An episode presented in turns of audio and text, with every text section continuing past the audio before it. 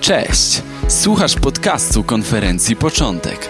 Mamy nadzieję, że czas spędzony z nami zainspiruje Cię i zachęci do zmian. Jeśli chcesz dowiedzieć się więcej, sprawdź nasze media społecznościowe. Cześć Początek, chciałam Was przywitać na kolejnym wywiadzie online. Dzisiaj moim gościem jest Ewa, zwana jako żona biskupa, e, ale dla mnie Ewa kobieta, która nie boi się trudnych pytań i jest gotowa zajmować stanowisko w tematach, które są ważne. Dzień dobry. Dzień dobry, witam. E, kiedy za, zaczęłyśmy, miałyśmy wywiad trzy miesiące temu, mhm. rozmawiałyśmy o trochę innych rzeczach i pamiętam, że wyłączyłyśmy Zooma i jeszcze kolejne pół godziny rozmawiałyśmy na tematy związane z kobiecością mhm. i seksualnością i wtedy tak. poczułam, że nie ma bata że mhm. musimy kolejny wywiad przeprowadzić, tak. Mhm. E, I dzisiaj będziemy rozmawiać o czymś, co myślę nie jest łatwe, o kobiecości i seksualności mhm. w Kościele. Zacznę od takiego kadru z czasów mojego gimnazjum. Mhm. Jestem na obozie chrześcijańskim, jest upalny dzień, dziewczyny idą się kąpać i idą się kąpać w dużych koszulkach, żeby um, nie być w bikini. I chwilę później jest kadr, chłopcy biegają za piłką i biegają mhm. bez koszulek. I dopiero całkiem niedawno wrócił ten kadr do mojej głowy, prawdopodobnie w kontekście rozmów z moimi przyjaciółkami, które są, e, część z nich krótko po ślubie. I jest ten moment, kiedy są rok po ślubie, kiedy te rzeczy powinny, ta kobiecość, seksualność powinna rozkwitać, rozkwitać tak, a nagle tak. jest w nich jakaś taka blokada, nagle jest jakaś niechęć, coś nie działa. Mhm. I pytanie, co poszło nie tak? Że chciałyśmy wychować dziewczyny w jakimś rodzaju nie wiem, czystości, czystości. i nagle, mhm. kiedy jest ten moment, kiedy to w naturalny sposób powinno zostać uwolnione, to już przestało działać. Mhm, mhm. To jest oczywiście trudne pytanie, tak? Nie będzie dzisiaj e, łatwych. Co po, nie będzie dzisiaj łatwych. Co poszło nie tak? Z pewnością mnóstwo, mnóstwo rzeczy poszło nie tak. E, ty nawiązujesz oczywiście do tego świata konserwatywnego, prawda? Tego mm. kontekstu kościelnego, bo ja nie pamiętam, ja rzadko jeździłam na kolonie, ale ja nie pamiętam takich scen. Tak, ja, nie byłam też mhm. wychowana, to też jest może ważne. Jestem żoną biskupa dzisiaj, ale ja byłam wychowana w kościele katolickim, mhm. w rodzinie takiej średnio wierzącej, średnio praktykującej, okay. tak? Więc, mhm. więc może nie do końca znam to wychowanie takie mocno konserwatywne, protestanckie, kościelne z własnego doświadczenia i to, co mówisz, szczerze, e, jest dla mnie szokujące, tak? mhm. tak? Jest szokujące. E, gdybym miała podać jeden poważny problem, o którym też zresztą mówią psychoterapeuci, seksuolodzy, to jest odcięcie się kobiet od swojego ciała. Mhm. I ja myślę, że to, co Ty mówisz, ten obraz przykrywania swojego ciała, tak jakby ono. Ja, ja rozumiem nawet przesłanki, którymi kierowali się wychowawcy, bo rozumiem, mhm. że to mhm. wychowawcy Wam kazali, prawda? Czy jakieś... Myślę, że to był jakiś taki rodzaj kultury po prostu też, w której wzrastaliśmy takiej niemówionych jakby nieogłoszonych właśnie zasad, ale takich tak, na tak, zasadzie tak. pewnego rodzaju wskazania. Tak, mhm. czyli kobiece ciało z jednej strony jest czymś, czymś wzbudzającym u mężczyzn, nie z jednej strony, ono jest i ono tak mhm. zostało stworzone de facto, tak? E, wzajemnie mamy wzbudzać w sobie pożądanie, mhm. tak? Nie jesteśmy wrażliwi, nie jesteśmy, przepraszam, um, nie czuli na, na feromony i, i tak dalej. I tak ma być, taki był zamysł stwórcy, tak. prawda? Problem jest taki, co my w procesie wychowania robimy, jakie treści wkładamy do głowy dziewczynkom mhm. i chłopcom dotyczące radzenia sobie z, z naszymi ciałami, mhm. z naszą seksualnością, prawda? I myślę, że, że tu jest problem. Więc e, wracając do, do, te, do, tej, do tej myśli, którą wymieniłam, odcięcie się kobiet od swojego ciała, tak jakby ono było z gruntu czymś złym i grzesznym. Mhm. Myślę, że to jest problem, bo ja nie uważam, że nasze ciało jest z gruntu złe i grzeszne, aczkolwiek Biblia, kiedy analizujemy Biblię, Nowy Testament mhm. w szczególności, wyraźnie mówi, jakby przeciwsta przeciwstawia ducha ciału. Mhm. Ale tam chyba chodzi trochę o co innego, bo tam chodzi w ogóle o takie życie według ciała, czyli skoncentrowane na absolutnym zaspokajaniu swoich porządliwości, popędów i mhm. potrzeb. I tutaj rzeczywiście wychowanie powinno polegać na tym, że my potrafimy um, zarządzać, czy kontrolować, czy może tak użyję słowa niezbyt dzisiaj e, popularnego, ujarzmiać niektóre swoje popędy, tak żeby one nami nie kierowały. Więc ja myślę, że to jest ta, ta główna idea biblijna, natomiast ciało, ja sama sobie muszę to często powtarzać, Dotyczy to zresztą w ogóle Bożego stworzenia, czyli różnych na przykład zwierzątek, robaczków. Jest stworzeniem Bożym. Jako takie jest czymś pięknym, prawda? I ja myślę, że tego typu komunikatu brakuje, tak? Że ciało jest czymś pięknym, że ciało jest też czymś zupełnie oczywistym i naturalnym. A więc o ile fajniej byłoby oswajać się z ciałem, niż odcinać się od niego i komunikować tak pozawerbalnie. Tak bo pod- jeżeli, tak, podświadomie prawda? mam wrażenie. Bo jeżeli Mhm. zakrywacie, jeżeli ja idę się kąpać i muszę mieć t-shirt, to jest to silny komunikat pozawerbalny, tak? Mhm. Że to jest coś złego albo że jest to źródło em, zła, Tak. prawda? I to, Mhm. co mówisz, też ta nierówność w podejściu do wychowania chłopców em, i dziewcząt, tak? Mhm. Czyli chłopcy mogą nie ma problemu z cielesnością męską, Tak. z ciałem męskim, przepraszam, jest natomiast problem z ciałem kobiecym. Więc to jest jeszcze jedną rzecz chcę na jedną rzecz chcę zwrócić uwagę. To nie jest e, problem tylko środowisk konserwatywnych, tak? ponieważ ja zostałam wychowana, jak już wspomniałam, w domu średnio y, wierzącym, średnio praktykującym, myślę takich przeciętnych katolików. I ja też jakoś tak zostałam wychowana, że przez wiele lat, i przepraszam, tutaj już powiem coś.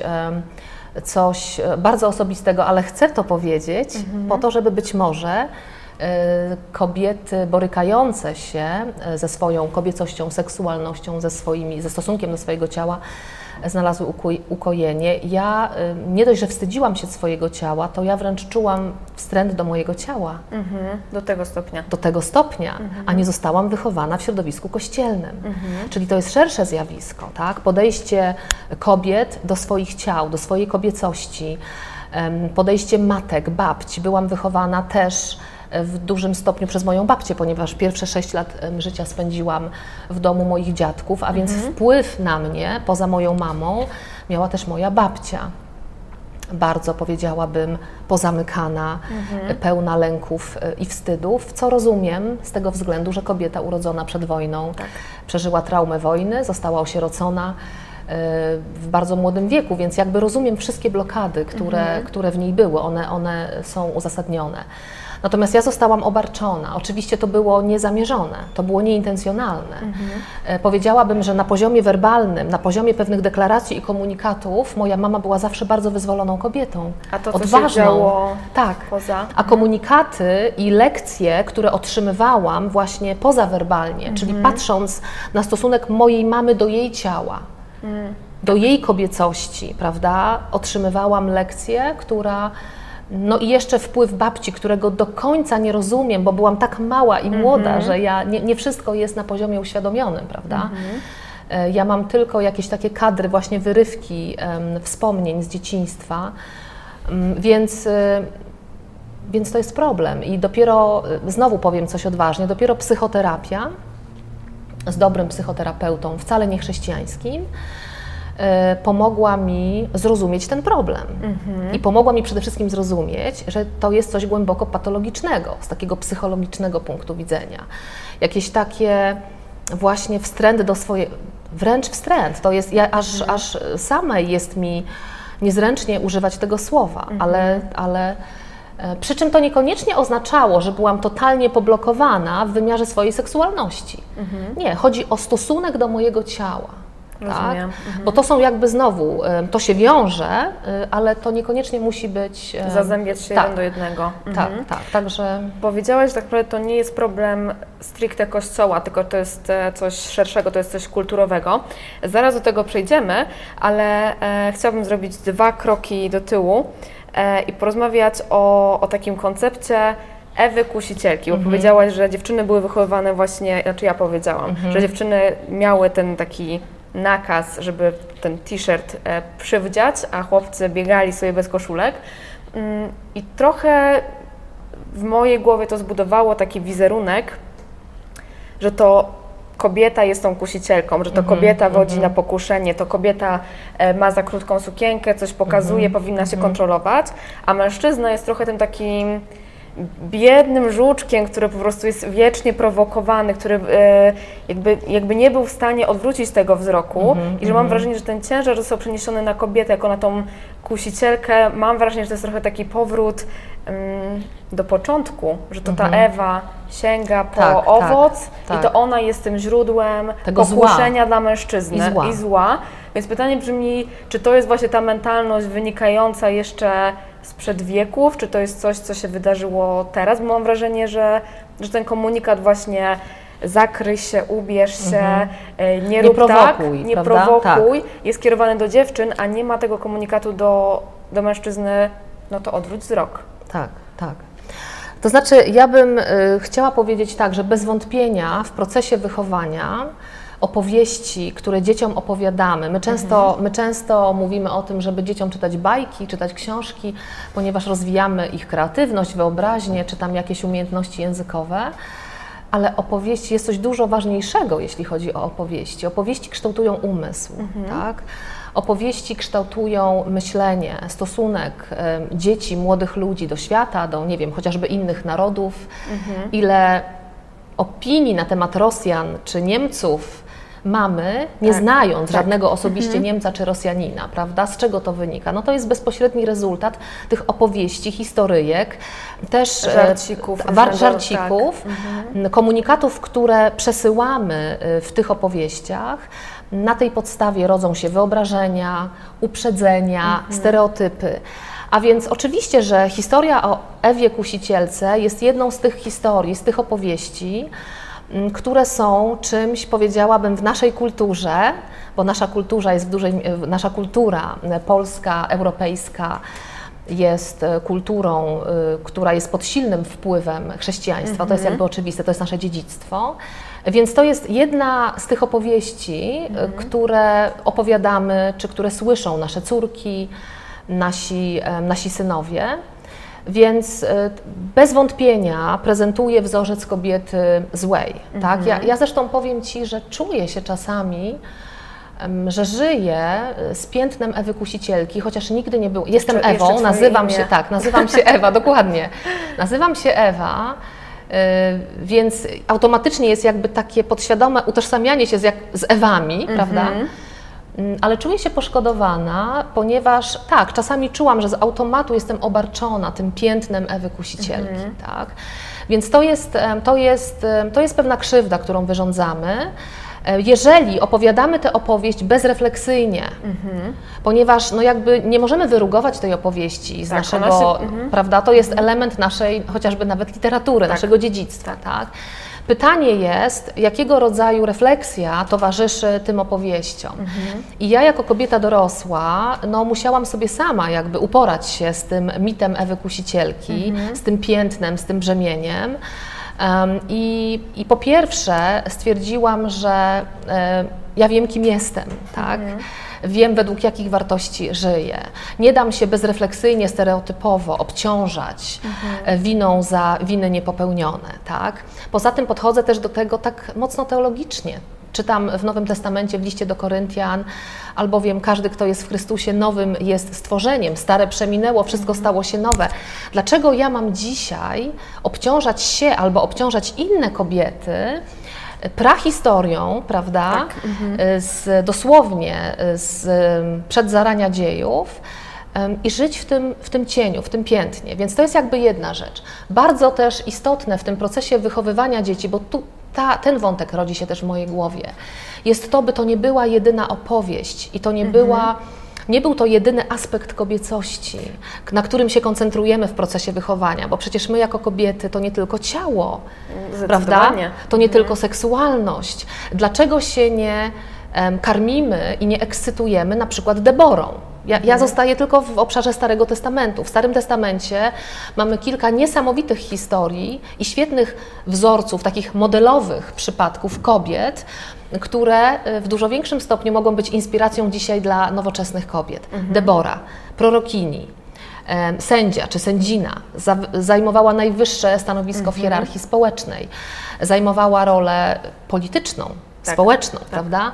Więc, więc ja uważam, że w tym, w tym takim dzisiaj, kiedy myślę szerzej o tym zjawisku, myślę sobie, tak, nie będziemy y, wygumkowywać czy wykreślać y, jakichś opowieści, narracji mm, z, naszej, z naszej kultury, z naszego wychowania nawet, ale pokazujmy też inne wzorce, prawda? Inne y, typy kobiecości i inne aspekty życia Mhm. kobiety czy funkcjonowania kobiety. Kobieta może być, kiedy patrzymy na Deborę, mądra, Silna, światła, tak. Mhm. silna, charyzmatyczna, była prorokinią. Więc, więc ty pytałaś, co poszło nie tak. Y, To, Mhm. to było to pierwsze Tak. pytanie. Ja myślę, że tutaj coś idzie nie tak. Kiedy my eksponujemy tylko jeden aspekt życia kobiety, który jest ważny, który jest bardzo ważny. I, jeszcze odpowiadając na, to, na, te, na tę wątpliwość, na ten problem, ja naprawdę myślę, że czasami powinniśmy pójść do psychoterapeuty i do seksuologa czy seksuolożki. Bo niektóre jakby krzywda, prawda, czy, czy blokady, które są w nas, one naprawdę wymagają pomocy fachowej. Więc tego bym nie unikała, tego bym się nie bała, też bym nie przeduchawiała. Pójdź do pastora i on ci powie, nie wiem, być może nie jest na tyle y, na tyle wykwalifikowany w tym, Tak. w tym obszarze. Tutaj potrzebujemy naprawdę konsultacji Bo i są, mam pomocy. wrażenie, bardzo głębokie też rzeczy, które są, Są przez bardzo lata głębokie. nabudowane. Oczywiście, Mhm. oczywiście. Więc bym, marzyłabym o tym, żeby Ewa Kusicielka to nie była ta, ta jedyna bohaterka, w dodatku Mhm. negatywna, prawda? Ja wiem, że my się też bardzo ekscytujemy i często używamy przykład Estery, to była kobieta odważna, królowa. Mhm. Tutaj widzę taki sentyment nas kobiet. Każda z nas jako dziewczynka marzy o byciu księżniczką. Tak. No i ona stała, została królową i odegrała y, wielką rolę, uratowała w zasadzie naród y, cały żydowski. Ale mnie jeszcze bardziej fascynuje Debora, bo ona właśnie jest tą e, sędziną, tak? Ona, jest, ona zajmuje wysoką y, funkcję polityczną, społeczną. E, Nie jest tylko taką romantyczną królową, Tak, piękną, tak, prawda? W, w księdze Estery eksponowane jest to piękno właśnie ciała, piękno kobiecości, powab, powab kobie, kobiecego ciała. To jest oczywiście ważne, wszystkie chcemy być piękne, atrakcyjne i tak dalej. Ale kiedy wychowujemy młodsze pokolenie, wychowujemy dziewczynki, zwłaszcza do życia w XXI wieku, Mhm. pokazujmy i też tak, im takie bohaterki, które są, na których rzeczywiście możemy się wzorować i którymi możemy Mhm. się inspirować. Tak, będę sędziną, tak? Będę zajmowała wysokie e, stanowisko w hierarchii społecznej. Chcę, skoro Debora w Starym Testamencie mogła i Bóg ją namaścił, bo to też jest bardzo ważne, tak? Bóg namaścił, Bóg wybierał sędziów to niech to będzie dla nas kobiet i dziewczynek w kościołach i poza kościołami wielką inspiracją, lekcją, zachętą, a przede wszystkim wzorcem, takim modelowym wzorcem. Tak, przekazanie dziewczynkom takiego komunikatu chodzi o coś więcej niż o Twoje ciało. Tak, Jakby oczywiście. O Twoje marzenia, o Twoje aspiracje. Twoje ciało o to nie wszystko. Tak. Tak, ono jest ważne i y, naprawdę nie chcę, żebyśmy z kolei lekceważyły ciała, bo to, co Ci powiedziałam o tej cielesności, o stosunku do cielesności, to jest, to jest temat, który trzeba przerobić. Jeżeli te problemy narastają i jest problem z życiem seksualnym takiej kobiety, no ewidentnie kłania się, kłania Jest się temat do przepracowania. Jest temat do przepracowania, tak, ale y, ważne też, by te dziewczyny nie czuły się winne, bo my jesteśmy, Wojciech Eichelberger, y, świetny psychoterapeuta, napisał świetną książkę Kobieta bez winy i wstydu. Właśnie i wina i wstyd, prawda? My czujemy się winne i my się dramatycznie wstydzimy. Gdzieś tam się zazębiają te dwa stany Em, i wtedy rzeczywiście jesteśmy zamknięte w, jakimś, w jakiejś takiej swojej czarnej dziurze i nie możemy z niej się wydostać, więc oczywiście, że, że powinnyśmy pierwszy krok pozbyć się wstydu i poczucia winy i przeświadczenia, że z nami jest coś nie tak. Z każdą z nas jest coś nie tak. Z każdym człowiekiem jest coś nie No tak. właśnie, że to y, jakby to nie ma płci tak, Tak. naprawdę. Z każdym człowiekiem jest coś nie tak. Każdy z nas boryka się z jakimiś deficytami, z jakimiś ranami z dzieciństwa, jakimiś ranami z przeszłości.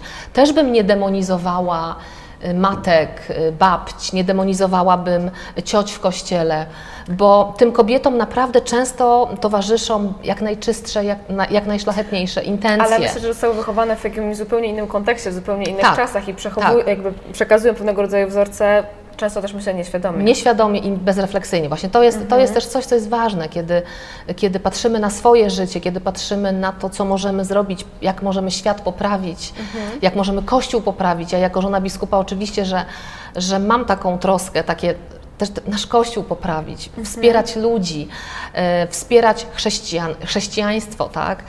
E, refleksja. Refleksja, przestać bezrefleksyjnie, bezkrytycznie kopiować pewne zachowania, pewne słowa, pewne Tak, zdania, Coś, które co działało Tak. ileś lat temu, ale to działało, to jest właśnie, myślę, w dużym cudzysłowie, bo, Tak, bo dzisiaj bo mamy... nie działało. Tak. No właśnie, bo nie działało.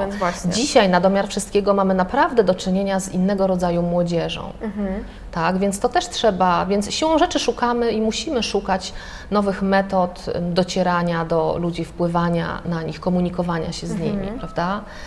Więc, y, więc to jest. em, tak, bardzo, bardzo ważne jest moim zdaniem to, żeby, żeby wiedzieć, pamiętać, przypominać, podkreślać, że kobieta to nie tylko ciało i seksualność, tak?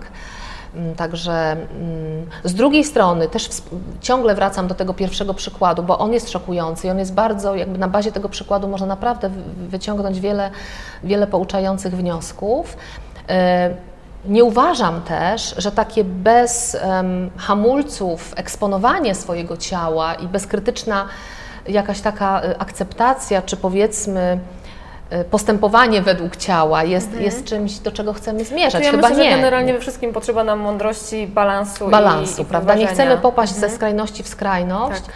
Uważam, że zarówno musimy młodym, młodym kobietom, dziewczynkom uświadamiać, jak mężczyźni reagują na ich ciała i to dlatego może warto nie prowokować na przykład, czy ubierać się wyzywająco, ale w tym samym czasie wychowywać młodych mężczyzn, wychowywać chłopców do tego, by radzili sobie ze swoją seksualnością, ze Tak. swoimi popędami i potrzebami Tak seksualnymi. naprawdę te dwa wątki iść dwutorowo, myślę. Te dwa wątki, to, to jest nieodzowne. Że, no bo nie zgadzam się oczywiście i powiedziałam to na jednym z y, takich filmików na YouTubie żony biskupa.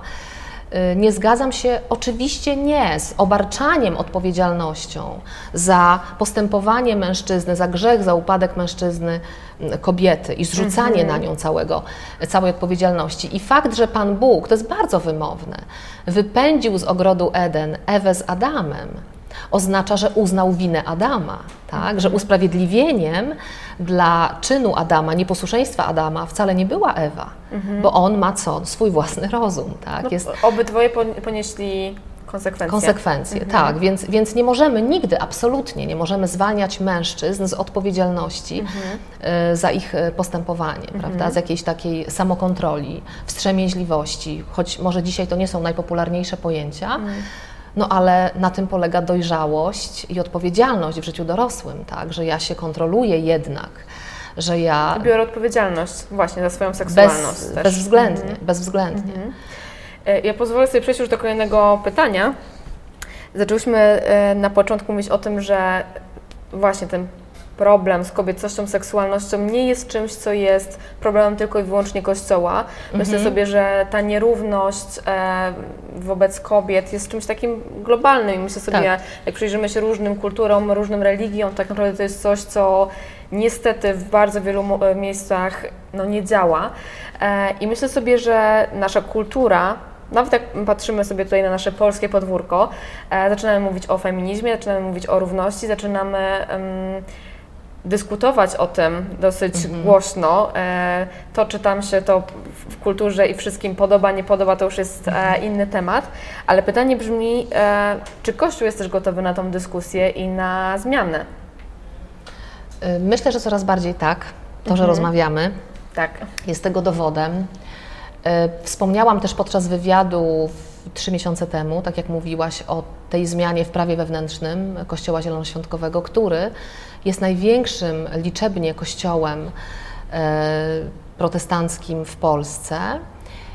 I to jest, to jest, to jest, taka, to jest taka jaskółka, tak? To jest taka nadzieja. E, Nie wiem, na ile zwierzchnicy różnych kościołów e, czują potrzebę reformowania swoich kościołów, bo to jest jakby to jest nie moja działka i to nie jest moja odpowiedzialność. Wiem przynajmniej, jak bardzo reformowanie kościoła jest w głowie mojego męża. Jak powiedział mi, że nienawidzi tego, ale że to jest konieczność i że nienawidzi tego, bo reformowanie kościoła to jest ból. To jest ból, tak? To jest ryzyko rozłamu w kościele.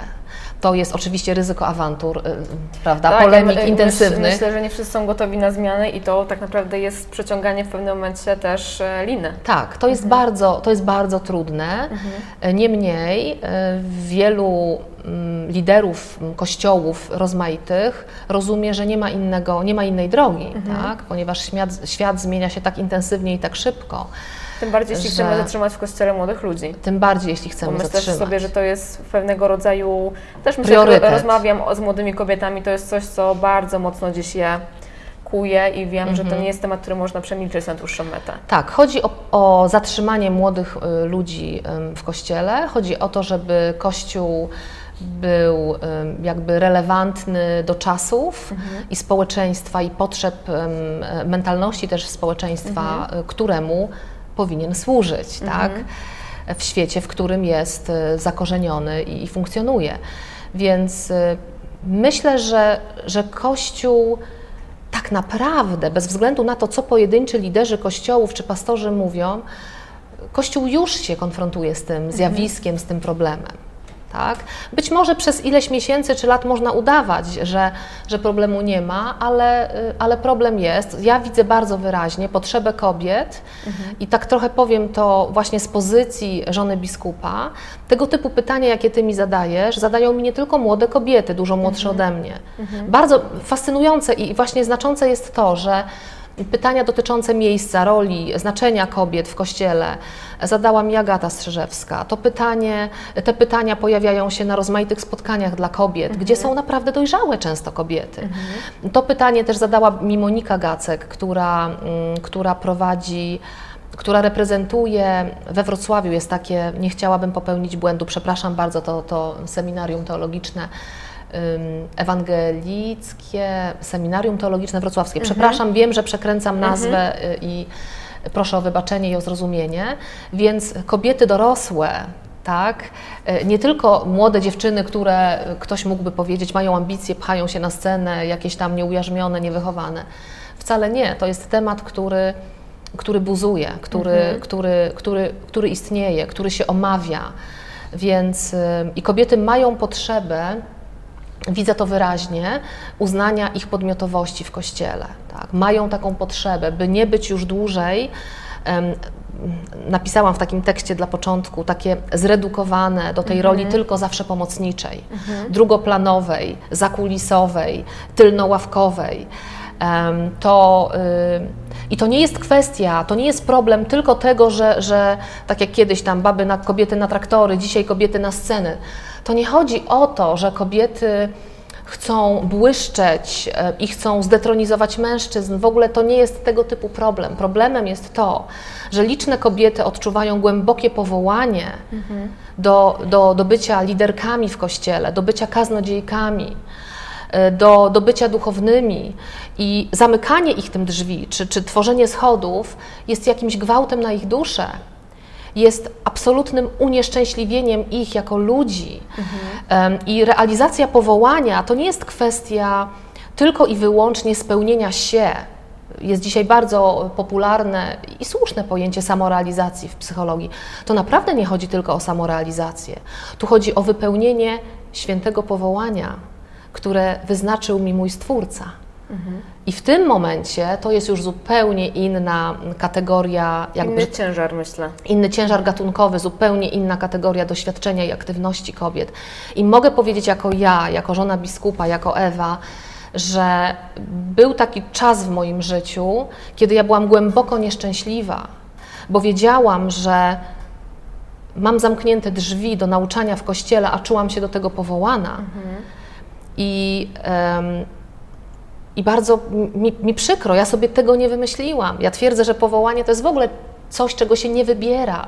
Powołanie na nas spada. Powołanie jest czymś głęboko duchowym. To jest coś, co sam Bóg wkłada w nasze serca, tak? Więc, więc chcę Ci powiedzieć, że czułam się dramatycznie sfrustrowana i kiedy zobaczyłam, że już więcej nie mogę działać w kościele, bo mam te drzwi, byłam co prawda liderką uwielbienia jako żona pastora, więc mogłam się realizować na scenie, ale tu nie chodziło o to, żeby być na scenie i sobie śpiewać. Tu chodziło o coś dużo więcej, tu chodziło o to, by te talenty to obdarowanie, które złożył we mnie Bóg, by ono mogło y, się realizować, się pomnażać, się rozwijać. I kiedy spotkałam się z tą ścianą, narosło we mnie tak dramatyczna tak frustracja, że postanowiłam skończyć ze służbą w kościele i zacząć działalność y, naukową, akademicką. Poszłam na studia doktoranckie na Uniwersytecie Warszawskim. I to jest. em, Potem wróciłam do tego powołania, bo powołanie jest czymś, przed czym naprawdę ciężko jest uciec i udawać, że go nie ma. Zrekonstruowałam się z, z jak to powiedzieć, brakuje mi słowa dobrego, niech tak będzie, zrekonstruowałam się. Y, Odnowiłam się duchowo, wewnętrznie, zrealizowałam się też akademicko i wróciłam do realizacji tego powołania. W międzyczasie Bóg zaczął otwierać drzwi. Ale powiem Ci jedną bardzo ciekawą rzecz, takie moje osobiste doświadczenie. Byłam na konferencji międzynarodowej, to akurat było w Singapurze i Pan Bóg powiedział mi, powołuję Cię do kaznodziejstwa. I ja z Panem Bogiem 45 minut toczyłam dyskusję. Panie Boże, ale ja nie mogę. Panie Boże, ale Ty widzisz, y, Ty widzisz, ja nie chcę mężowi stwarzać problemów. Ja nie chcę prowokować, obrażać różnych braci, różne, różne siostry. Panie Boże, widzisz, że ja nie mogę. I miałam na myśli właśnie ten kontekst społeczny, kościelny kontekst. I tak dyskutowałam z Panem Bogiem, niechętna, by powiedzieć Mu tak, Panie Boże, ja nie mogę i Pan Bóg szachmat. A kto Ci to powiedział? Prawda? Więc to jest, e, chciałabym wspierać kobiety i zachęcać kobiety, które czują się powołane do aktywności w Kościele, w tej naszej przestrzeni kościołowej, bo są, jesteście ważne, jesteście potrzebne. Kościół Was potrzebuje. Oczywiście, że, że mamy schody, że mamy wyzwania, że nie jest łatwo, ale może jak będziemy rozmawiać, Ale myślę też, że grzechem byłoby nieskorzystanie z tego potencjału tak naprawdę 50% w kościele. Oczywiście. Oczywiście. To jest argument w moim odczuciu jeden z najważniejszych. Marnowanie kapitału ludzkiego, bo kobieta to przede wszystkim człowiek. Bóg stworzył mężczyznę i kobietę. Jako mężczyznę i, i, kob- i, me- i kobietę stworzył ich, stworzył człowieka. Dokładnie tak uważam, że odpowiedzialni przywódcy Kościoła nie mogą sobie pozwolić na marnowanie potencjału em, i redukowanie tego potencjału tylko do, z całym szacunkiem do służby w kawiarenkach, do służby pomocniczej, sprzątającej, nauczanie dzieci, dzieci. tak. To jest po prostu, to jest wartościowa, piękna służba. Natomiast to nie są wszystkie i jedyne obszary, w których kobiety mogą być wielkim skarbem tak, i wielką korzyścią dla każdej lokalnej em, wspólnoty. Także no, to są tematy, które mnie bardzo ekscytują, ponieważ osobiście przerobiłam swoisty dramat. Tak? Rozumiem. Był taki, dzień, taki moment w moim życiu, kiedy, kiedy dla mnie to był dramat. I wcale nie dlatego, że ja chciałam kogoś pouczać, prawda? To, to- to, w ogóle nie była kwestia ambicji i aspiracji. E, To była kwestia realizacji powołania i takiego poczucia odpowiedzialności za powołanie, które złożył na mnie mój Bóg, mój Stwórca. To tak naprawdę już e, kończąc, zostawiając się z ostatnim pytaniem, na które tak naprawdę poniekąd już odpowiedziałaś, e, skoro dzielisz się swoimi osobistymi historiami, to ja też może dorzucę swoje trzy grosze. E, Ja przez bardzo długi czas miałam takie poczucie i postawię taką tezę, że Kościół mimo wszystko w pewien sposób właśnie umacniał ten podział, e, stawianie kobiet właśnie Bo Kościół, wejdę Ci w słowo, bo Kościół ze swojej jakby istoty, natury konserwuje, jakoś, prawda, jako instytucja konserwatywna, konserwuje pewien porządek. I Więc tak, Dlatego więc trudno więc, z tą więc, mia- zmianą. więc miałam właśnie poczucie, że on bardzo mocno umacnia e, to, na co we mnie nie ma zgody. I mm, pamiętam, że tak naprawdę dla mnie czas gimnazjum, czas liceum, dzisiaj tak naprawdę wspominam to z jakimś takim, że sama bym ch- chciała siebie przytulić z tamtych czasów, Mhm. bo myślę sobie, że było we mnie mm, wręcz jakiś taki, przeżywałam wewnętrzny dramat, bo widziałam moje koleżanki, które były miłe i dobre i się wpasowywały w tą taką rolę chcę urodzić piątkę dzieci i upiec ci ciasto, mhm. a we mnie zawsze był jakiś taki rodzaj mm, przekory? przekory, chęci do działania, do Aha. właśnie zajmowania stanowiska, nie na zasadzie jakimś ambicjonalnym, ale takiego poczucia, że jest robota do zrobienia, Mhm. że trzeba działać. E, I dziś miałam takie poczucie, że zderzam się bardzo mocno z tym, że, że ta kobieta, której oczekuje Kościół, jest właśnie zawsze taka tutaj po prostu w kołnierzyku i miła, i grzeczna, i, i nie krzyczy, i jest tak na spokojnie, a we mnie było takie nerwowe tuptanie i taka chęć, e, chęć do działania. I tak naprawdę myślę sobie, że przez wiele lat przeżywałam swoisty dramat, czując, że nie wpasowuję się w ten kontekst i mając takie poczucie, no ja nie będę tą miłą żoną, tym, czego, czego ode mnie oczekuje Kościół. I musiał przyjść taki do mnie też czas em, zrozumienia, że właśnie Bóg włożył we mnie pewne talenty, nie przez przypadek, Tak. E, i to było na swój sposób uwalniające. I tak naprawdę odpowiedziałaś trochę już na to pytanie, na to, czy w Kościele jest miejsce na kobiety, które chcą działać, chcą robić, chcą się angażować, bo tutaj chciałabym, żeby też wybrzmiało, jeśli kobieta czuje powołanie do tego, żeby rodzić dzieci i piec ciasto, wspaniale, ale tak samo, jeżeli kobieta czuje powołanie do tego, żeby się angażować, żeby robić, to Tak, też wspaniale. tak, tak. I trochę miałam mm, takie poczucie, że przez wiele lat dla tej drugiej kategorii, właśnie, że to jest to kobieta drugiej kategorii, Mhm. Albo że coś jest z nią nie tak. albo że coś jest nie tak. Ja bardzo szanuję i podziwiam kobiety, które są y, paniami domu. Naprawdę. Bardzo podziwiam. Y, Nawet może czasami im zazdroszczę, że one odnalazły się w takim właśnie kontekście swoją rolę, swoją misję życiową, bo jest to niewątpliwie bardzo ważna, jedna z najważniejszych ról, jakie kobiety mogą odgrywać. Natomiast ja taka nie jestem, tak? I, I cieszę się, że dzisiaj i ty taka nie jesteś i nie musisz taka być. Myślę, że to jest bardzo ważne, żebyśmy nawet w środowiskach konserwatywnych, które czasami właśnie nadmiernie upraszczają świat y, i, i prezentują y, zbyt wiele zjawisk w kategoriach czarno-białych, żebyśmy pamiętali, że to Pan Bóg jest twórcą tęczy. Że to Pan Bóg jest Bogiem różnorodności i nie mam co do tego najmniejszej wątpliwości. A dowodem, dowodem, celowo używam tego, słowa, dowodem dla mnie zawsze jest ilość kształtów i wielkości liści. Jeżeli patrzymy, jak różnorodne są kształty takiego jednego biologicznego em, tworu, kategorii biologicznej, jaką jest liść, maleńkie igiełki na drzewach iglastych i wielkie liście w lasach tropikalnych, które są większe od koca, mogli, które są większe od nas. Bóg kocha różnorodność, całe Jego stworzenie, mnóstwo kolorów, mnóstwo barw, mnóstwo niuansów, mnóstwo odchyłów od normy. To też jest wszechobecne w przyrodzie. Bóg jest Bogiem różnorodności. Dawajmy kobietom, ludziom, mężczyznom też w Kościele prawo, by żyli zgodnie z tym, jakimi stworzył ich, ich Pan Bóg. Bądźmy otwarci na różnorodność, bo różnorodność jest piękna. Ona jest też błogosławieństwem dla, dla Kościoła. Więc zamykanie się w jeden schemat jest jakimś dramatem, jest unieszczęśliwianiem ludzi. Jest też okradaniem y, Kościoła z różnorodności, z tego bogactwa, z tego piękna. Więc, e, więc przykro mi, że coś takiego przeżyłaś. E, Ja też musiałam jako żona pastora w pewnym momencie odważnie powiedzieć, ja nie umiem piec ciast i nie będę piec ciast. I to był jeden z ważniejszych etapów e, mojego takiego rozwoju, również duchowego i dojrzewania jako kobiety. Ja nie muszę spełniać mm, oczekiwań innych ludzi. Ja nie muszę na siłę wpasowywać się w pewien szablon, prawda? Ja muszę żyć, i to jest też taka jakaś moja dewiza życiowa, w harmonii ze Stwórcą i w harmonii ze sobą. Przede wszystkim, prawda?